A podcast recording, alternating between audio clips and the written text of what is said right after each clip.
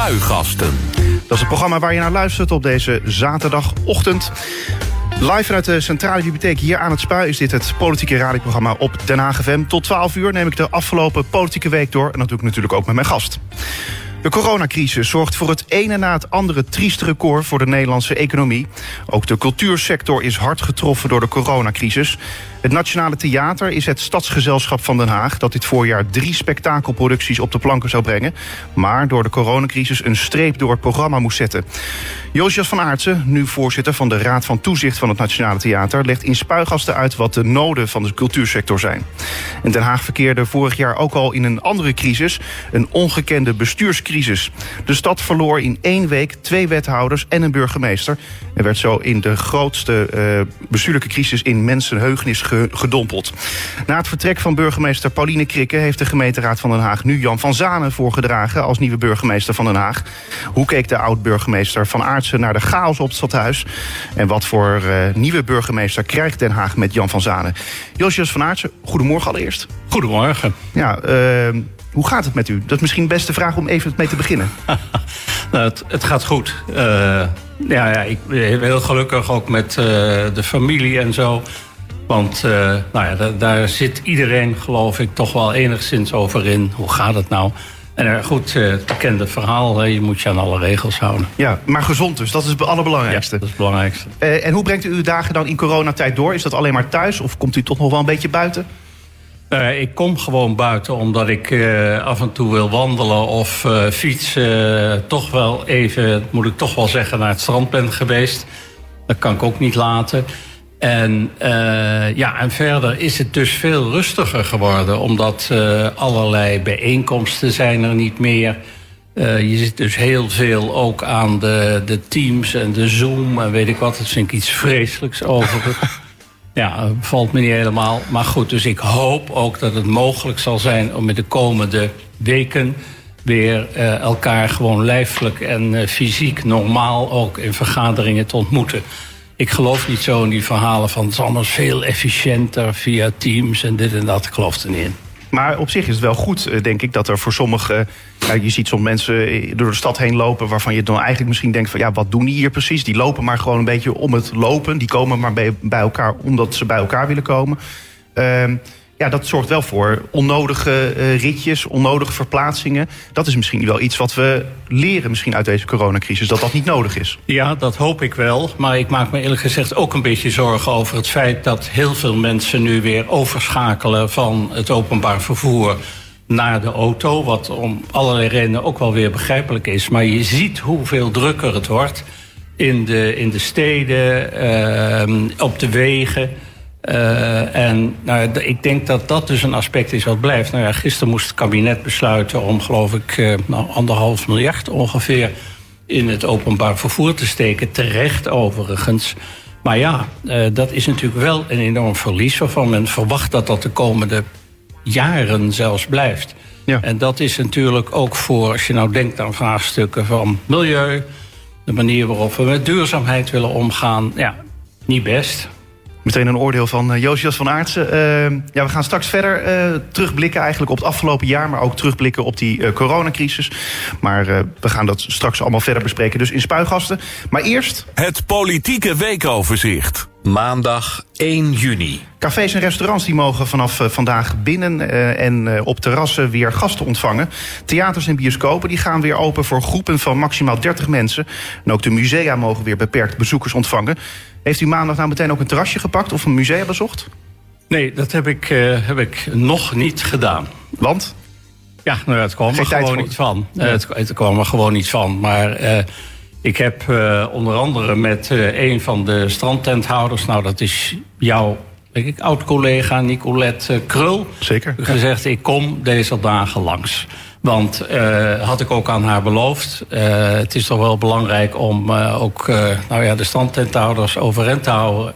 En dus ook in de komende periode daar gewoon weer naartoe te gaan. Precies. En een museum dat nog op het lijstje staat? Dat, uiteraard staat dat op, op het lijstje. maar daar ben ik nog niet aan toegekomen. Oké, okay, maar welk lijstje, welke staat er dan bovenaan? Uh, het Kunstmuseum natuurlijk. Het is een van mijn uh, grote favorieten. Nou ja, van heel veel uh, mensen in het land en in het buitenland. En geweldige tentoonstellingen. En er liep een mooie die, die ik nog niet heb gezien. Ja, nou zijn ze ook bezig geweest, natuurlijk, het Kunstmuseum, onder andere met online nou ja, een tentoonstelling laten zien. dus dan krijg je eigenlijk een tour door het museum. Dat is niks voor u, hè? Nee, ik, wat nu wel mooi is, dat is dan een, bijvangst. Uh, ik heb het Kunstmuseum dus nog niet gezien, maar ik zag de directeur van het Rijksmuseum, die ook had uitgelegd hoe die meer ruimte rond de schilderijen had gecreëerd. Dat is natuurlijk vanwege de anderhalve meter en zo. Maar het geeft dus ook wel een uh, voor. En er zijn dus minder bezoekers, maar ik hoop dat die toch ook weer snel aangroeien. En dat dat mag. Uh, maar dat geeft dus uh, ruimte. Dan kan je, kan je wat beter sommige schilderijen uh, ja, bezien. Ja, misschien nog nog dichterbij. Is eigenlijk misschien wel beter. Ik vind het soms juist een beetje vervelend als er zoveel mensen. Ja, zeker. zeker ja. Dus dat, dat is dan een soort gunstige bijvangst van deze periode voor de musea misschien. Maar ja, verder hebben die natuurlijk ook gigantische problemen. Ja, gaan we het zo verder over hebben? Dinsdag 2 juni. De demonstratie in Den Haag van actiegroep Black Lives Matter is uh, rustig verlopen. Betogers hielden zich over het algemeen goed aan de afstandsregels en droegen een mondkapje. Op het Malieveld in de Hofstad kwamen naar schatting ruim 1500 mensen bij elkaar. Ze demonstreerden tegen politiegeweld, tegen zwarte mensen in de VS, maar ook tegen racisme in Nederland. U bent vast blij uh, dat het goed is verlopen, ordelijk? Ja, perfect. Uh, dus heel goed gedaan door de burgemeester van Den Haag en uiteraard de politie prima gedaan. En ik vond vooral de foto's in de krant zo mooi van uh, het Malieveld met op de achtergrond uh, de skyline van, uh, van Den Haag. Het leek, leek wel om die reden, zou je zeggen, was het ook een hele mooie, goed verlopen demonstratie. Maar de inhoud daarvan was natuurlijk ongelooflijk belangrijk. Nou ja, dat weet iedereen. Ja, en als het gaat om ja, de Dam, want men keek natuurlijk vooral naar Den Haag... omdat het een dag later was na de demonstratie op de Dam... Uh, ja, hoe keek u naar die discussie die eigenlijk in het openbaar werd gevoerd door uh, ja, de burgemeester uh, Femke Halsema en minister Vert Grapperhaus? Ja, nou ja, zij beiden hebben waarschijnlijk geweten dat hun F-verkeer op een of andere manier in het, in het publieke debat zou terechtkomen. Nou, dat is gebeurd. Ik vind dat de minister het fantastisch dat debat heeft gedaan in de Kamer. Waarbij hij toch ook duidelijk maakte: A, de burgemeester gaat erover. Uh, en daar kom ik, uh, kom ik dus niet aan. En aan de, in, de, tweede plaats uh, eigenlijk daar neerlegde van ja, luister, ze moeten het ook niet overdrijven wat er hier aan de orde is. En nou, het belangrijkste debat zal aanstaande woensdag plaatsvinden in de gemeenteraad van Amsterdam. Ja, uh, maar ik vind het wel een beetje lastig uh, om te zien dat een minister die altijd pal voor de burgemeester moet gaan staan, eigenlijk, het is, zo voelt Femke Halsema dat, dat bleek dan uit het appgesprek, dat ze zich in de kou gezet voelt. Snapt u dat? nou, ik wil liever niet, want dan ga ik me begeven in iets wat ik niet wil doen. Namelijk, hoe, hoe is, is dat beleid nou precies in Amsterdam tot stand gekomen? Hoe ging dat nou? Dat doe ik liever niet. En wat ik er ook over zeg, dan kom je altijd aan de ene of de andere kant uh, terecht. Ik vond het vooral belangrijk dat de minister echt grote moeite heeft gedaan. Uh, maar dat ook perfect deed. Ook met een zekere ontspannenheid in de Kamer. Waarin hij gewoon duidelijk maakte van mensen, hè, maak het niet te gek. Uh, en maak er ook niet al te veel van. Uh, en dat is denk ik ook voor de burgemeester wel van belang. Want dan kan ze eigenlijk kaal, zou je zeggen, analytische debat voeren in de gemeenteraad uh, van Amsterdam. Zonder dat iedereen weer over die appjes begint. Uh, ik zou bijna zeggen te zaniken. en dat zei ik dus ook. Maar ik vond, er was een bijdrage van een van de leden van de Kamer. Volgens mij was het een VVD-Kamerlid. Die op een ogenblik zei: Dus eigenlijk, mijn conclusie van dit debat is dat die appjes verder voor het hele debat over hoe ging het daar nou er niet toe doen. En uh, ik weet niet meer precies hoe Grapperhaus daarop reageerde. Maar eigenlijk was dat zijn stelling. Van mensen, maak het nou niet te groot en laten we ons concentreren op de hoofdzaak. Ja, maar dat heeft natuurlijk alles te maken met het feit dat er een app-discussie uh, eigenlijk uh, openbaar wordt gemaakt tussen een minister en een burgemeester. Dat zie je niet vaak. Nee, maar ben, dat kan. Dat kan zeker. Ik ben wel benieuwd, u als oud-burgemeester van Den Haag... heeft u daar ooit bij stilgestaan dat appjes van u of sms'jes kunnen worden opgevraagd? Zeker. Nee, zeker, want dat is, ik weet niet wanneer dat tot stand is gekomen. Dat is al een aantal jaren zo. Er denk ik een een of andere uitspraak geweest in een zaak... Waardoor ook appjes en sms-verkeer dus gewoon uh, publiek uh, kon worden, wobabel uh, zijn. Dus dat weet je. Misschien ben je er niet ik zal het ook wel niet altijd geweest zijn. Elke seconde er je van bewust van... oh, maar dat kan ook nog weer opgevraagd worden. Maar dat dat kan, weet je. En uh, dat is dus op zich niks nieuws. Nee, en het was, was op zich, eh, kijk, het was wel handig van natuurlijk uh, Geert Wilders... dat hij om dat F-verkeer vroeg. Zeker. Anders hadden we het nooit, waarschijnlijk nooit van nee. gehoord. Tenzij nee. iemand het had opgevraagd uit de pers of zo. Maar dat maakt het wel heel interessant, deze discussie. Ja, dat, dat je dat soort dingen kunt, kunt zien. Ja. Ik wil, wil, niet zeggen van geniet u daarvan, maar is het wel iets waarvan u zei, zou zeggen van ja dat geeft wel een interessant inkijkje in die wereld. Nee, ik heb niet voor niks natuurlijk naar dat debat zitten kijken. En Amsterdam, het hele Amsterdamse debat trouwens op de voet gevolgd. Maar ik ken de mensen ook uh, nog wel, enigszins. Ik ken de burgemeester van, uh, van Amsterdam. Het is toch een onderwerp wat, je, ja, wat toch op een of andere manier altijd wel bij je blijft. Woensdag 3 juni. Uh, koning Willem-Alexander en uh, koningin Maxima die waren woensdagavond aanwezig bij de heropening van het Nationale Theater in Theater aan het Spui in Den Haag. Het koninklijk paar zag uh, door daar twee voorstellingen uit een reeks speciale shows die door maximaal 30 mensen kunnen worden bezocht. Het deed u vast deugd dat het koningspaar meteen naar het Nationale Theater is geweest. Ja, dat hebben ze ook eigenlijk meteen gevraagd toen duidelijk werd dat vanaf 1 juni uh, het Nationaal Theater weer open zou zijn. Dat uh, vinden, hebben we en vooral natuurlijk de acteurs, maar alle betrokkenen bij het, het uh, theater geweldig gevonden. Het is ook een fantastische avond geweest voor degenen die, daar, die daarbij waren. De koning heeft perfecte dingen gezegd over het belang van toneel, cultuur in het algemeen. En dat is heel, heel goed ontvangen door, door de aanwezige acteurs. Maar goed, je hebt, je hebt zoveel mensen die aan voorstellingen werken. Dat zijn de geluidsmensen, het zijn, het zijn de, de grimeurs, het zijn de mensen die de kostuums moeten maken. Zij dat we nu dus hele, uh, wat dat betreft, kale voorstellingen voorlopig gaan houden. Maar uh, gewoon een hart onder de riem steken is ongelooflijk goed gevallen. En daar is het Nationale Theater, maar ik denk de hele culturele sector heel blij mee. Maar waarom zijn ze daar zo blij mee? Want ja, wat, wat zegt het dat een, het koningspaar daar langskomt? Ja, uh, we weten allemaal hoe het werkt. Uh, het is nou eenmaal zo. allemaal wel, we kunnen allemaal zeggen... ja, de koning heeft beleidsmatig uh, in wezen niks in te brengen. Maar het, het, dat heeft het koningspaar in de afgelopen periode stelselmatig gedaan. Zorgen dat je overal op bezoek gaat dat je aanwezig bent en uh, zoals ze hier deden, dus ook nog een keer duidelijk maken: jullie zijn belangrijk.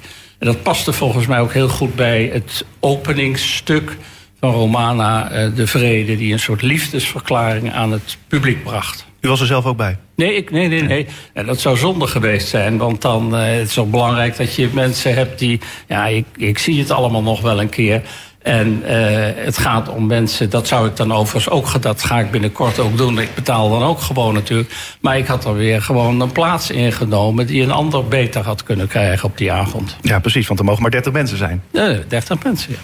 Donderdag 4 juni. De gevolgen van de coronacrisis kosten de gemeente Den Haag dit jaar tussen de 80 en 130 miljoen euro.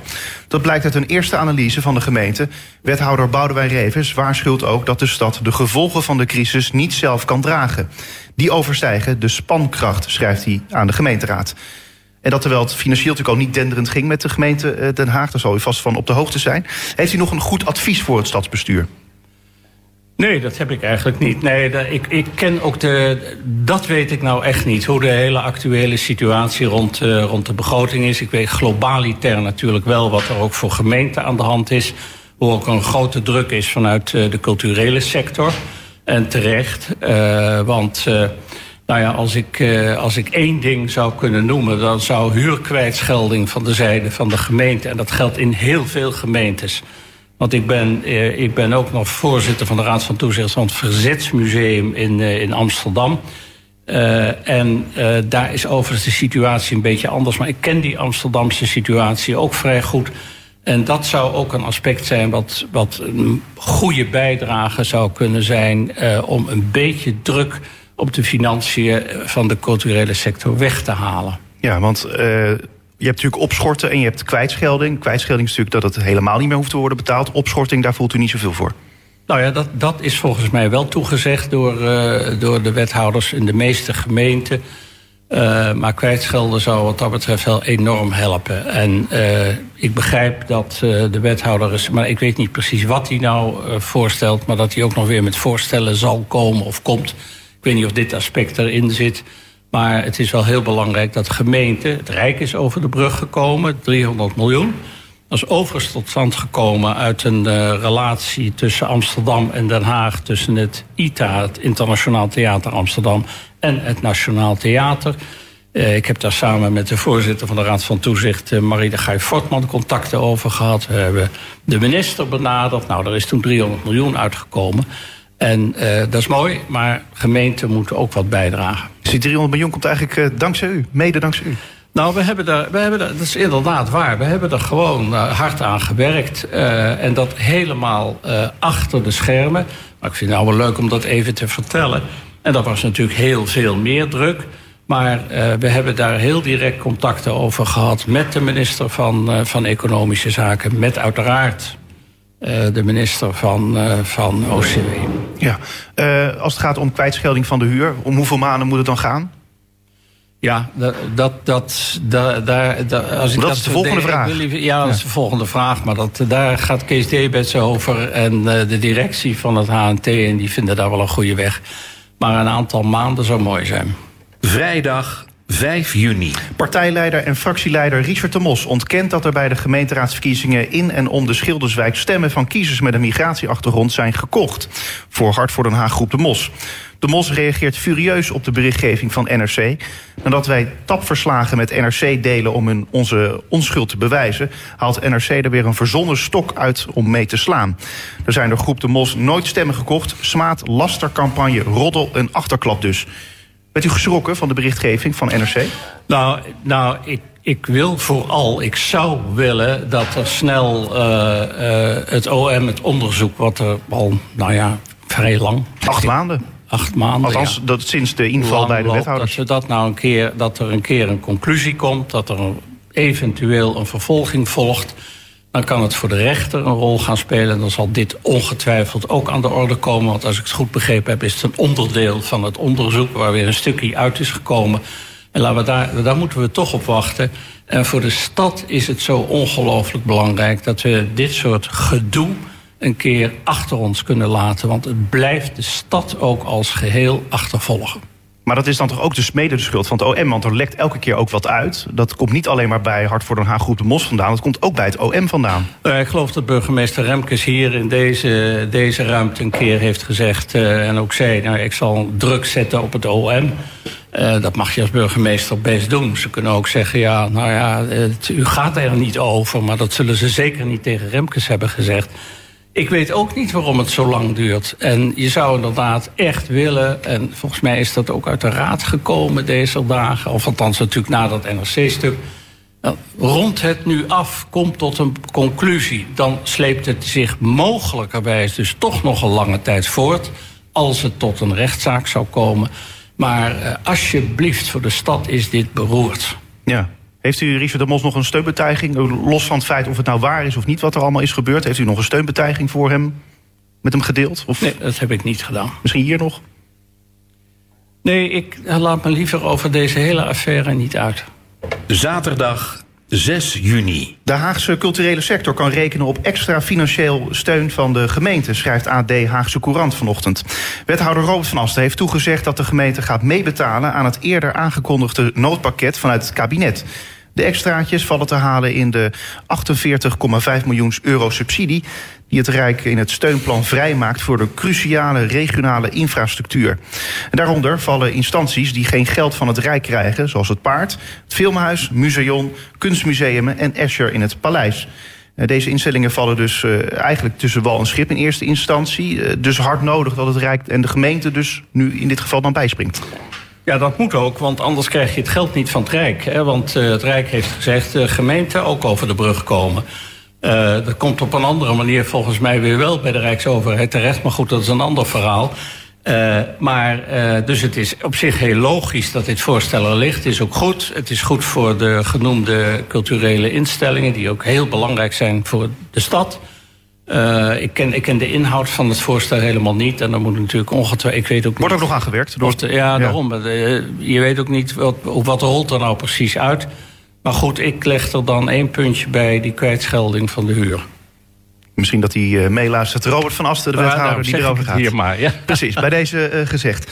Uh, tot zover het weekoverzicht. En meer nieuws vind je op onze website denhagfm.nl. Spuigasten. We gaan het uh, straks over die andere crisis hebben. Nu over de coronacrisis, want die uh, zorgt voor het ene na het andere trieste record voor de Nederlandse economie. En ook de cultuursector is hard getroffen door de coronacrisis. Het Nationale Theater is het stadsgezelschap van Den Haag dat dit voorjaar drie spektakelproducties op de planken zou brengen.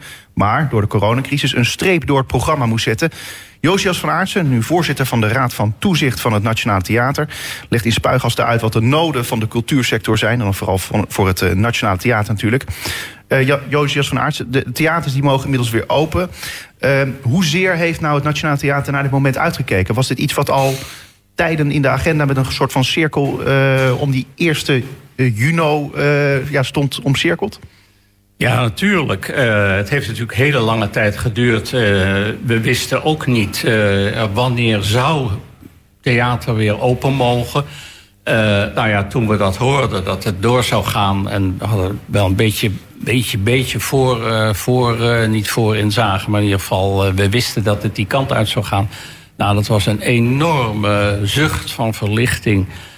gewoon het idee, je kunt weer als acteurs... en het hele al diegenen betrokken bij, bij theater, bij toneel. Je kunt weer aan het werk, je kunt weer een bijdrage leveren. Je kunt weer je publiek binnen hebben. En uh, ja, de relatie publiek, acteurs is essentieel. Ja, nou hebben we het net heet het gehad over natuurlijk het geld. Wat heel belangrijk is voor de eerste, eerste stap natuurlijk voor theaters om te overleven, de überhaupt de culturele sector. Wat zijn nou nog andere zaken die de culturele sector nodig heeft volgens u? Nou ja, ik denk dat een van de uh, bijvangsten, zoals je dat dan noemt, van, van die hele discussie die we hebben gehad, ook is dat er een nieuw besef is ontstaan, ook uh, getuige datgene wat de koning er deze week over zei, over het eminente belang van de culturele sector voor een samenleving. En dat gaat dan niet alleen, hè, want sommigen zien het Nationaal Theater als iets heel vers en iets elitairs en zo, wat het dus totaal niet is. Uh, want eh, eigenlijk die culturele sector heeft te maken met de, de, je, de, het levensbloed, de levensstijl van een samenleving. En dat loopt van de harmonie in Limburg tot uh, het Internationaal Theater in Amsterdam en het, Nationaal Theater in, in Den Haag. En als je ziet wat het Nationaal Theater doet ook voor de stad, voor de samenleving de openheid die er is, de bijdragen die worden geleverd, eh, de hotspots in de wijken, wat ze doen uh, voor, voor bibliotheken en voor, voor buurtcentra.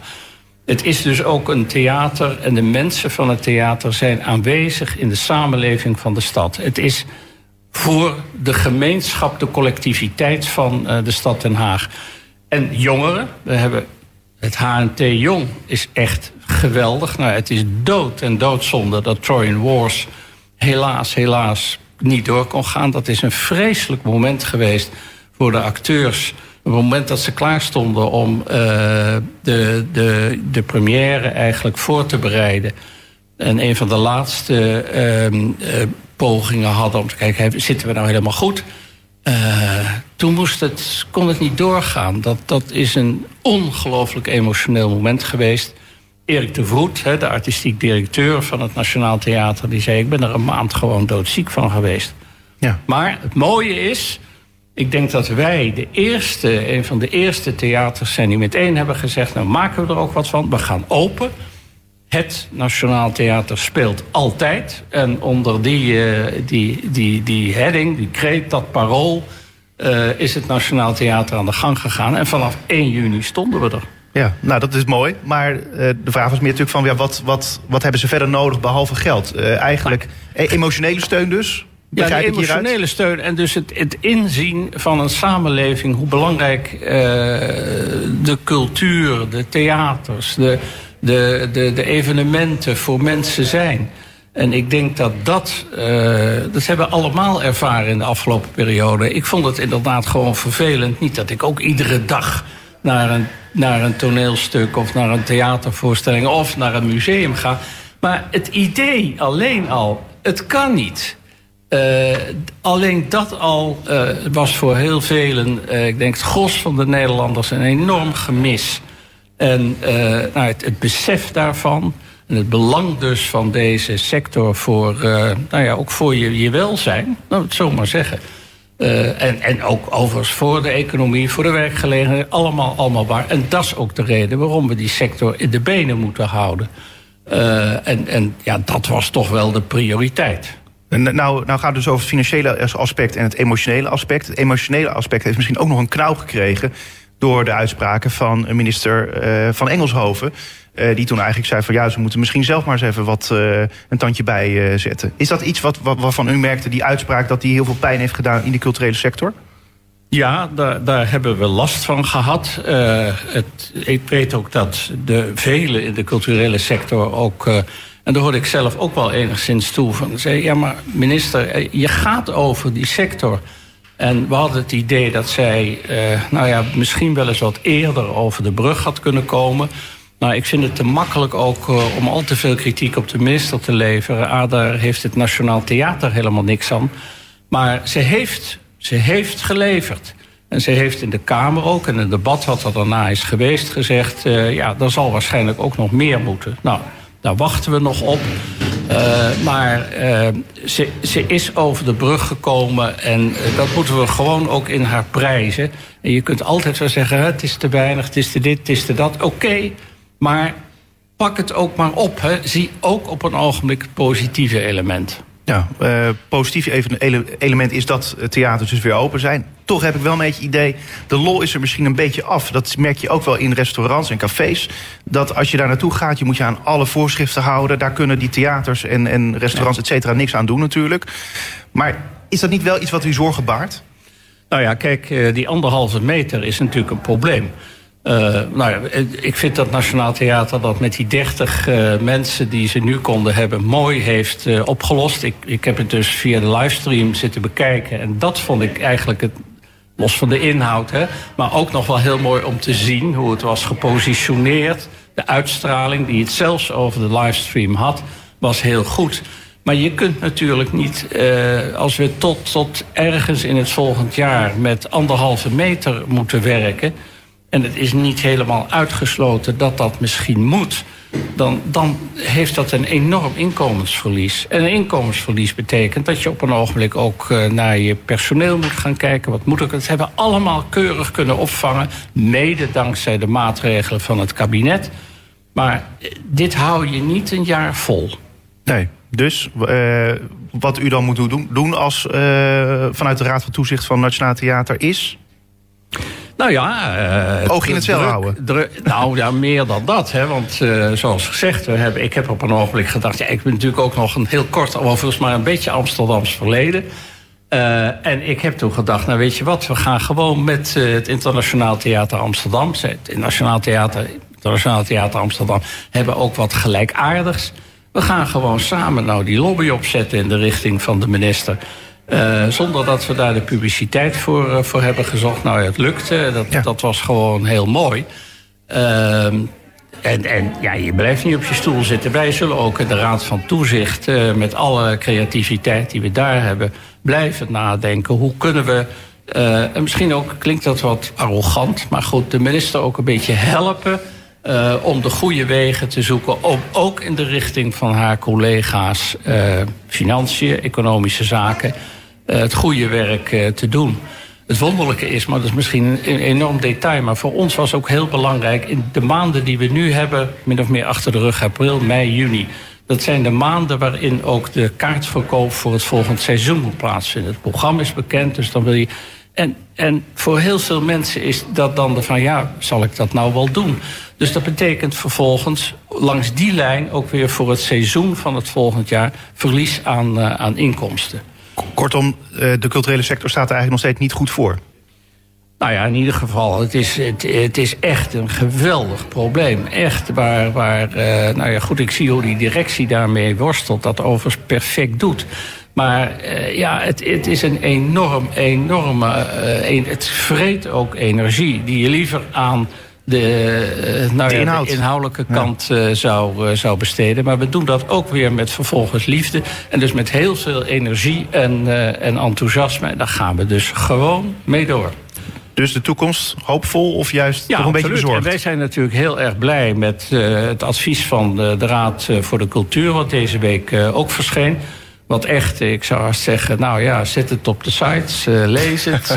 alle Hagenaars moeten het het Scapino Ballet denkt er anders oh, over, hoor. Ja, dat weet ik wel. Maar het gaat, mij, nou, het gaat mij echt over om het Nationaal Theater. Dat is echt één loftuiting op nou ja, datgene wat het Nationaal Theater doet... Waarbij ook het, nationaal, het, het, onderdeel jong echt heel belangrijk is. Daar, daar, daar, wordt echt heel vernieuwend gewerkt. En de samenleving, de stad, maar dan ook zo'n raad voor de cultuur... die ziet dat. dat. Dat is dan wel een enorme opsteker. Nou moet het kabinet natuurlijk het advies nog wel eventjes overnemen, hè? Volgende stap. Uh, nou, dat, uh, dat is nou een van die dingen, daar zorgen we wel voor. Oké, okay, dat, dat, dat is in ieder geval hoopvol. Uh, laten we het hebben over die andere crisis. Want Den Haag verkeerde vorig jaar ook al in een crisis. Een ongekende bestuurscrisis. De stad verloor in één week twee wethouders en een burgemeester. Er werd zo in de grootste bestuurlijke crisis in mensenheugenis gedompeld. Na het vertrek van burgemeester Pauline Krikke... heeft de gemeenteraad van Den Haag nu Jan van Zanen voorgedragen... als nieuwe burgemeester van Den Haag. Hoe keek de oud-burgemeester Josias van Aartsen naar de chaos op het stadhuis? En wat voor nieuwe burgemeester krijgt Den Haag met Jan van Zanen? Ja, 1 oktober begon uh, vorig jaar natuurlijk die bestuurscrisis. Wat dacht u nou toen u dat hoorde? Ik weet niet precies waar u het voor het eerst hoorde. Die ja. Dat zal, ik, dat zal ik nog wel een keertje vertellen. Uh, dat komt nog wel eens. Uh, nou ja, kijk, dit, wat ik al eerder zei, voor een stad is uh, het verlies van wethouders, het verlies zelfs van een burgemeester, is echt één woord waardeloos. Ik heb in mijn periode, iets meer dan negen jaar in de stad, in het college, wel eens een aantal momenten gehad. Dat is nou eenmaal zo, een politiek college. Mensen met ambitie en, en politieke partijen die wat willen, van die momenten gehad dat het echt even heel erg spande. En een van mijn laatste verdedigingslinies, dan behalve alle inhoudelijke dingen rond zo'n zo'n zo'n mogelijke crisis, die nooit is gekomen, gelukkig, is dan denk om één ding. Als je een probleem in je college krijgt, een college uit elkaar valt, dan de, ziet de buitenwereld dat en de buitenwereld denkt: hé, hey, er is toch iets mis in die stad. Wat is er toch aan de hand? En dat geldt ook voor het Binnenhof. En je hebt het Binnenhof, en dat bedoel ik dus niet alleen de Kamer, maar ook de, het kabinet. Daar zit men er ook zo'n beetje naar te kijken. Wat is daar eigenlijk aan de hand en hoe safe is dat? Dus een ordelijk, goed, uh, succesvol stadsbestuur is voor de hele collectiviteit van de stad belangrijk. Nou, en dat is iets waar ik me uh, van toen dat allemaal gebeurde wel enorm veel uh, zorgen over heb gemaakt de vrienden uit, van mij uit het hele land... die zeiden tegen mij van ja, gaat lekker daar in Den Haag. Was, was dat ja. nou ook zo dat mensen dat ook tegen u zeiden? Ja, zeker. Nee, natuurlijk is dat tegen mij ook gezegd. Nee, je hoeft er de kranten maar over op te staan. Een beetje de, de twitterij, hè, dat mag ik weer eens even kwijt... te volgen, de tweets, weet ik wat allemaal niet. Nou ja, dan, dan gaat zo'n stad over de hekel. En dat is gewoon niet goed. En uh, daarom is het wel heel belangrijk dat uh, de stad een, uh, een zeer ervaren goede burgemeester krijgt. Nou, Jan van Zanen, ik, ik, ik was gewoon ongelooflijk blij dat hij het... ja, hij moet nog benoemd worden en zo, maar dat is allemaal wel rond. Dat heeft de gemeenteraad en de vertrouwenscommissie natuurlijk in eerste instantie gewoon heel goed gemanaged, denk ik. Het is niet naar buiten gekomen, dus dat is één goed ding. Nee, dat is ook... Nee. Precies. Uh, laten we nog heel even teruggaan naar die, naar die, naar die week... Uh, waarin die crisis eigenlijk ontstond. Want in diezelfde week kwam ook het rapport van de Onderzoeksraad voor Veiligheid... over de vreugdevuren. U heeft er eerder natuurlijk niks over willen zeggen. Uh, omdat het toen nog in onderzoek was. las u nou alles wat erover werd geschreven op de websites en in de kranten? Hoe, hoe, hoe beleeft u dat nou? Want ja. u mocht er niks over, over zeggen. Nee, dus u wilde nee, er niks ik over denk zeggen. Dat ik dat nog, want uh, laten we. Uh, een van mijn thema's is nu. Uh, hou nou een keertje ook op. Hè. Er zijn allemaal staartjes van dit hele verhaal. Ik hoop niet te veel. Maar de stad moet vooruit. En dat straalt een man als Van Zanen de, en de benoeming van Van Zanen ook uit. We moeten nou die stad weer op het niveau krijgen waarop die stad was voor al dit, al dit gedoe. Daar kan van Jan van Zanen, ben ik van overtuigd, kan hij dat leveren. daar heeft hij ook uiteraard de gemeenteraad voor nodig en de samenleving, de stad zelf ook weer, want zo werkt het nou eenmaal. En uh, ik denk dat de gemeenteraad, dat heeft uh, de huidige waarnemend burgemeester ook geloof ik wel een paar keer gezegd, ook wel eens even zou moeten nadenken, hoe doen we het nou in deze stad? En ik hoop dat men zo verstandig is om ook uh, op een wat, nou ja, wat wijze manier met de ruimte die de Raad heeft uh, om te discussiëren en wat je politiek ook allemaal wil. Maar doe het alsjeblieft op een zodanige manier dat de collectiviteit van de stad niet in het geding komt. Dat is mij, dat wist ik ook wel, maar in Amsterdam enorm opgevallen. Rotterdam trouwens ook. Uh, in de Raad in Amsterdam is in die end er een enorme consensus tussen de uh, verschillende politieke stromingen. En dat komt allemaal omdat die mensen ongelooflijk trots zijn op Amsterdam. Het gaat om Amsterdam, om de stad, hoofdstad, et cetera. Nou, Den Haag hoeft daar helemaal niet voor onder te doen. We zijn de hoofdstad, we zijn een belangrijke stad. Ook internationaal zijn we belangrijk. Dus gedraag je daar dan ook naar. Ja. Uh, maar u bent hier nou toch, dus ik ga het toch proberen. In de zin van over. De, uw naam werd wel genoemd in die hele discussie rond die vreugdevuren. Meerdere ja. keren over dat convenant bijvoorbeeld met die bouwers. Ja. Maar dan, dan, dat lijkt me juist lastig om als oud-bestuurder toch elke keer op een soort op uw lip te bijten van ja, om dan niks te zeggen. Nou, dat is zo. Uh, maar alles wat ik. Ik vind het heel lastig om daar nu over te. Want ik, ik vind dat. Ik, ik ben begonnen met. Om daar een paar dingen over. Nou, heel kort dan. Hè. Graag. Uh, ik ben begonnen met dat gedoe in te dammen. In het laatste jaar waar ik verantwoordelijk voor was, hadden we uh, vrij forse regels gesteld. Er is toen in dat jaar niks fout gegaan. Ze hebben zich exact aan die 35 meter gehouden.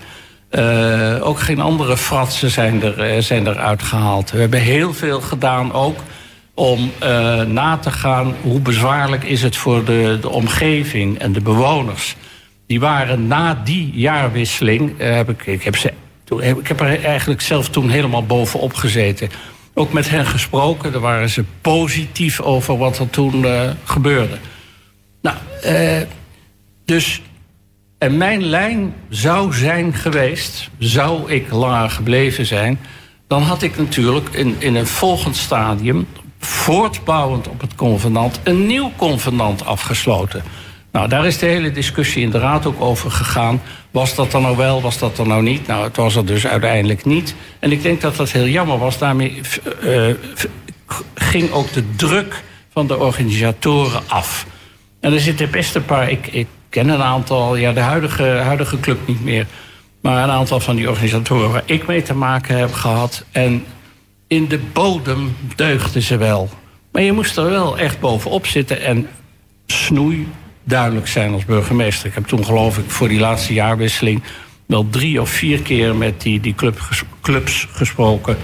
Uh, Duindorp en Scheveningen. En uh, nou, toen is het goed gegaan en daar had je, denk ik, op kunnen voortbouwen. Ja, toch is het uiteindelijk niet goed gegaan. Uh, een snoeihard rapport van, van de OVV. Uh, Krikke heeft uiteindelijk haar vertrek aangekondigd. Uh, terwijl ze een paar dagen ervoor nog zei van ik ga nog het debat aan. Heeft dat u verbaasd dat Krikke toen toch ineens zei van ik stap op? Nou, nou, nou kom, kom je aan een punt waarvan ik denk... Mag ik daar even nu het antwoord op schuldig blijven? Dat mag. Als u dat niet wil, dan, dan mag dat natuurlijk. Johan Remkes die kwam u vervolgens als burgemeester, waarnemend burgemeester van Den Haag.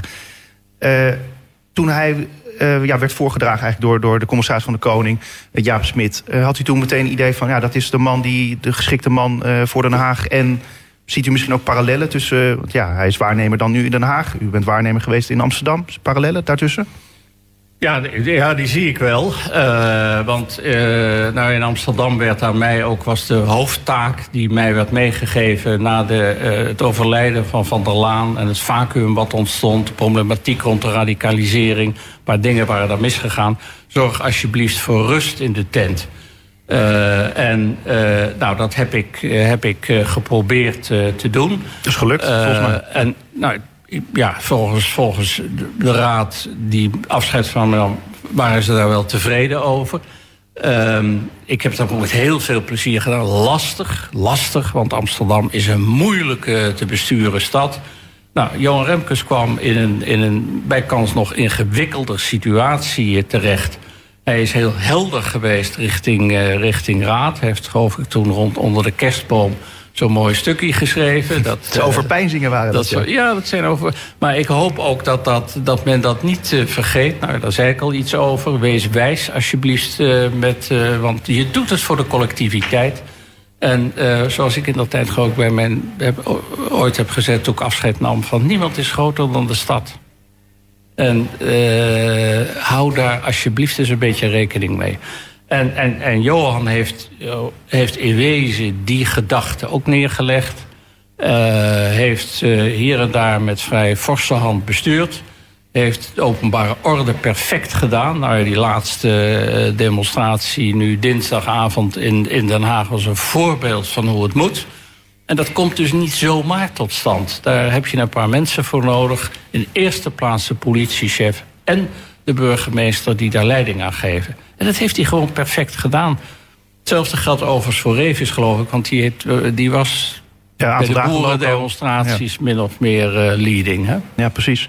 Uh, nou, nou kwam natuurlijk uh, Remkes binnen met eigenlijk bepaalde prioriteiten, namelijk integriteit op orde, openbare orde, veiligheid, uh, functioneren van de raad. Dat moest allemaal eigenlijk weer nou ja, in rust, maar ook vooral ordentelijk weer uh, op een ordentelijke manier weer worden bestuurd. Is dat nou voor Jan van Zanen, is dat nou de belang, ook, zijn dat ook zijn belangrijkste uh, prioriteiten eigenlijk die hij moet stellen? Of nou ja, dat anders? Dat heeft, dat heel, als je kijkt maar naar de profielschets, dat, dat integriteit speelt er een heel belangrijke rol in. Dus daar zal die gewoon in het spoor van datgene wat eh, de waarnemend burgemeester heeft gedaan, zal die daarin voortgaan. Maar ik hoop ook dat het hem weer gegeven is om het straks weer over een aantal belangrijke vraagstukken te hebben die in de stad ook spelen. Nou, moet dat, dat, dat, dat, eh, dat, dat weten we allemaal waar het, waar het dan om gaat. Ook de internationale functie van de stad is van groot belang. Dat moet ook echt goed onderhouden worden. De relatie met de Leidse Universiteit is verschrikkelijk belangrijk. En uh, ik ben ervan overtuigd dat uh, de nieuwe burgemeester daar op een hele betrokken uh, en ook heel, ja, zou ik zeggen, amicale, is, klinkt verkeerd, hè, want dat zag ik, maar ook op een menselijke manier, ja. richting ook naar de bewoners van de stad zal opereren. Dat heeft hij in Utrecht perfect gedaan. Dat zal die, en dat geldt voor alle bevolkingsgroepen. Hè? Dat zal die ook uh, in, uh, in Den Haag uh, weer gaan doen. Daar ben ik, ben ik van overtuigd. Het is een. hij heeft ooit een fantastisch boek geschreven over. niemand weet, weet meer wie dat was, waarschijnlijk Haya van Zomer. Die een belangrijke rol in de, in de VVD, maar ook nationaal heeft gespeeld in de jaren 60, 70. En je kunt uit dat boek, het gaat over Haya van Zomer, je kunt uit dat boek ook lezen eh, waar de opvattingen van, van Zane zelf liggen. Hij neemt op sommige momenten wat afstand van haar wijze van zien. Uh, ik zou haast zeggen, uh, qua karakter lijken we wel wat op elkaar. We houden een beetje, beetje. We zijn ook weer heel anders. We houden samen, geloof ik, niet van fratsen. Uh, maar het is, ja, het is wel een klassieke liberaal. En dat zijn toch meestal wel uh, aangename types. Dan heeft u het over uzelf? nee, daar heb ik het niet over. Oké. Okay.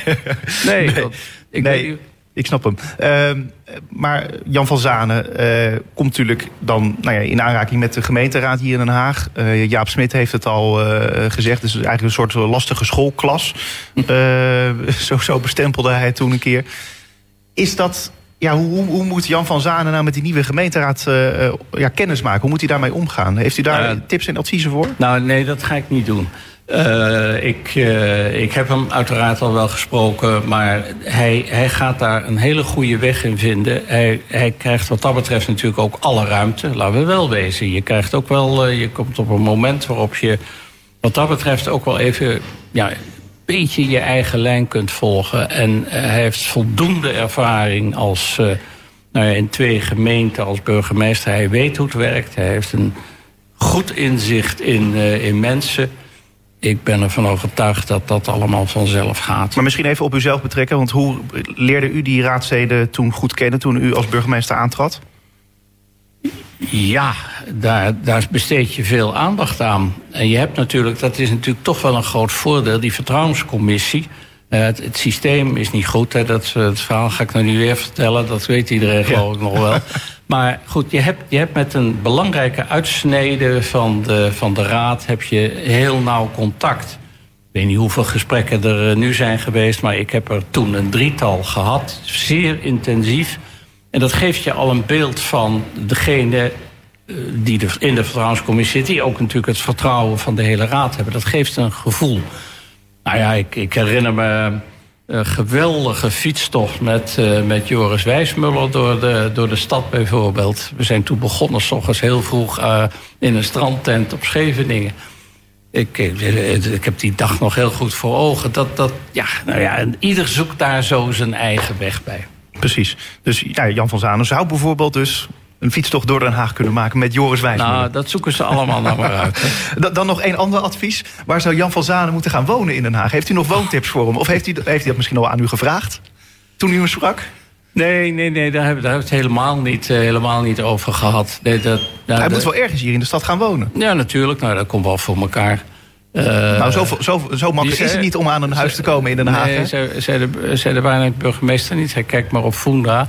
en het is inderdaad allemaal heel ingewikkeld. Uh, maar dat, dat lost zich heus wel op. En niet een bepaald voor... voor ja, uh, zou hij op Scheveningen moeten wonen? Want nee, hij houdt van dat, de kust. Dat, nee, ja, nee, dat vind ik... Nee, daar ga ik niet aan meedoen. Vond ik zo flauw. Van, hij moet in de schilder. Hij moet daar. Hij moet zussen. Je zou kunnen zeggen, hij moet naar Epenburg. Want daar zit een heel heel, heel jong gedeelte. het is inmiddels wel wat ouder geworden. Maar goed, uh, een jong, jong deel van, van de stad. Maar alsjeblieft zegt, dat zoekt hij zelf maar uit. En dat komt heus wel goed. Uh, tot slot, ja, de oud-burgemeester van Den Haag, Josias van Aartsen, is hier te gast. Wat gaat u nu uh, verder doen? Want no normaal gesproken, uh, ja, u, u, u was uh, burgemeester van Den Haag... en toen begon u meteen alweer in, in Drenthe als waarnemer. u begon daarna in Amsterdam als, als waarnemer. Ehm, wat, wat, wat, wat, wat staat er verder nog op de rol bij u? Nou ja, ik doe, ik doe allerlei toch wel hele bijzondere dingen. Het Nationaal Theater hebben we het al over gehad... Ik ben voorzitter van de instituut adviesraad van het astronomisch um, uh, researchcentrum Astron in, uh, in Drenthe. Dat kost ook redelijk wat, wat tijd en, en aandacht. Ook dat gaat weer over geld overigens, maar ook, ook over een belangrijk stuk inhoud van het verhaal. Maar dat is veel te ingewikkeld voor nu. Ik ben dus voorzitter van het Verzetsmuseum. Ik af en toe, maar dat is af en toe, help ik een beetje de huidige, maar die kan zichzelf ook heel goed redden, de huidige professor die de VN-studies, uh, O'Malley, een uh, Ierse professor, die dat bij de Universiteit van, uh, van Leiden doet. ik ben gevraagd door de minister van Binnenlandse Zaken om te helpen bij de uh, verkoop van veenhuizen. Het rijk, allerlei rijksgoed wordt afgestoten, wat overigens wel jammer is. Maar goed, dan moet het wel goed gaan. Nou, dit type dingen. Kijk eens aan. Maar wordt niet waarnemen burgemeester van Utrecht? Tot slot? Nee, dat ga ik, dat ga ik, zeker, ga ik zeker niet doen. Ik, uh, en Utrecht, volgens mij is het een stad die uh, zich wat dat betreft ook wel weer zelf kan helpen. Josias van Aartsen, dank u wel. Bedankt voor het gesprek. En dit was Spuigasten voor deze week. Ik zou zeggen, graag tot volgende week.